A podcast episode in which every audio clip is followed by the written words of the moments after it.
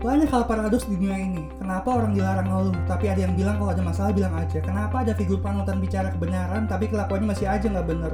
Kenapa mesti ada hitam padahal udah ada putih? Nah, mungkin itu jawabannya. Kalau ada cahaya pasti ada bayangan, kalau ada pemimpin pasti ada Nah, intinya banyak hal memang diciptakan berpasangan gitu, siang dan malam, langit dan bumi, pemerintah dan oposisi. Jadi ya udah santai aja ikutin bagaimana dunia ini bekerja sambil kita tetap bekerja sebaiknya. Kerja, kerja, kerja tiga kali loh itu diulang, bukan tiga periode. Maksud gua kalau tiga kali tuh makan boleh tiga kali, tapi kalau berpasangan untuk mewujudkan visi itu ya emang dua orang aja nggak sih? Kayak Naruto Sasuke waktu memimpin kemerdekaan Konoha gitu.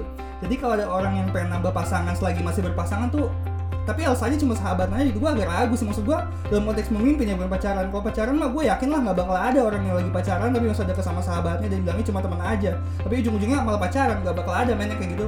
Ya karena itu tadi bahkan ayat Quran yang dijelasin di antara penciptaan langit dan bumi terdapat tanda-tanda bagi orang yang berpikir. Masalahnya nggak semua orang bisa mikir nggak sih padahal homo sapiens sih artinya manusia yang tahu manusia yang cerdas. Tapi kenapa masih aja ada orang yang suka ngelakuin kesalahan? Ya mungkin itu tadi. Karena selalu ada dua hal ada benar ada salah. Nggak ada yang sepenuhnya benar dan nggak ada yang sepenuhnya salah. Jadi ya udah santai aja. Kalau orang stoik bilang kita cuma bisa ngendalin apa yang menjadi bagian dari diri kita. Di luar itu ya udah biarin aja. Jadi kenapa banyak hal paradoks di dunia ini? Ada orang baik yang jahat dan ada orang jahat yang baik. Ya udah biarin aja.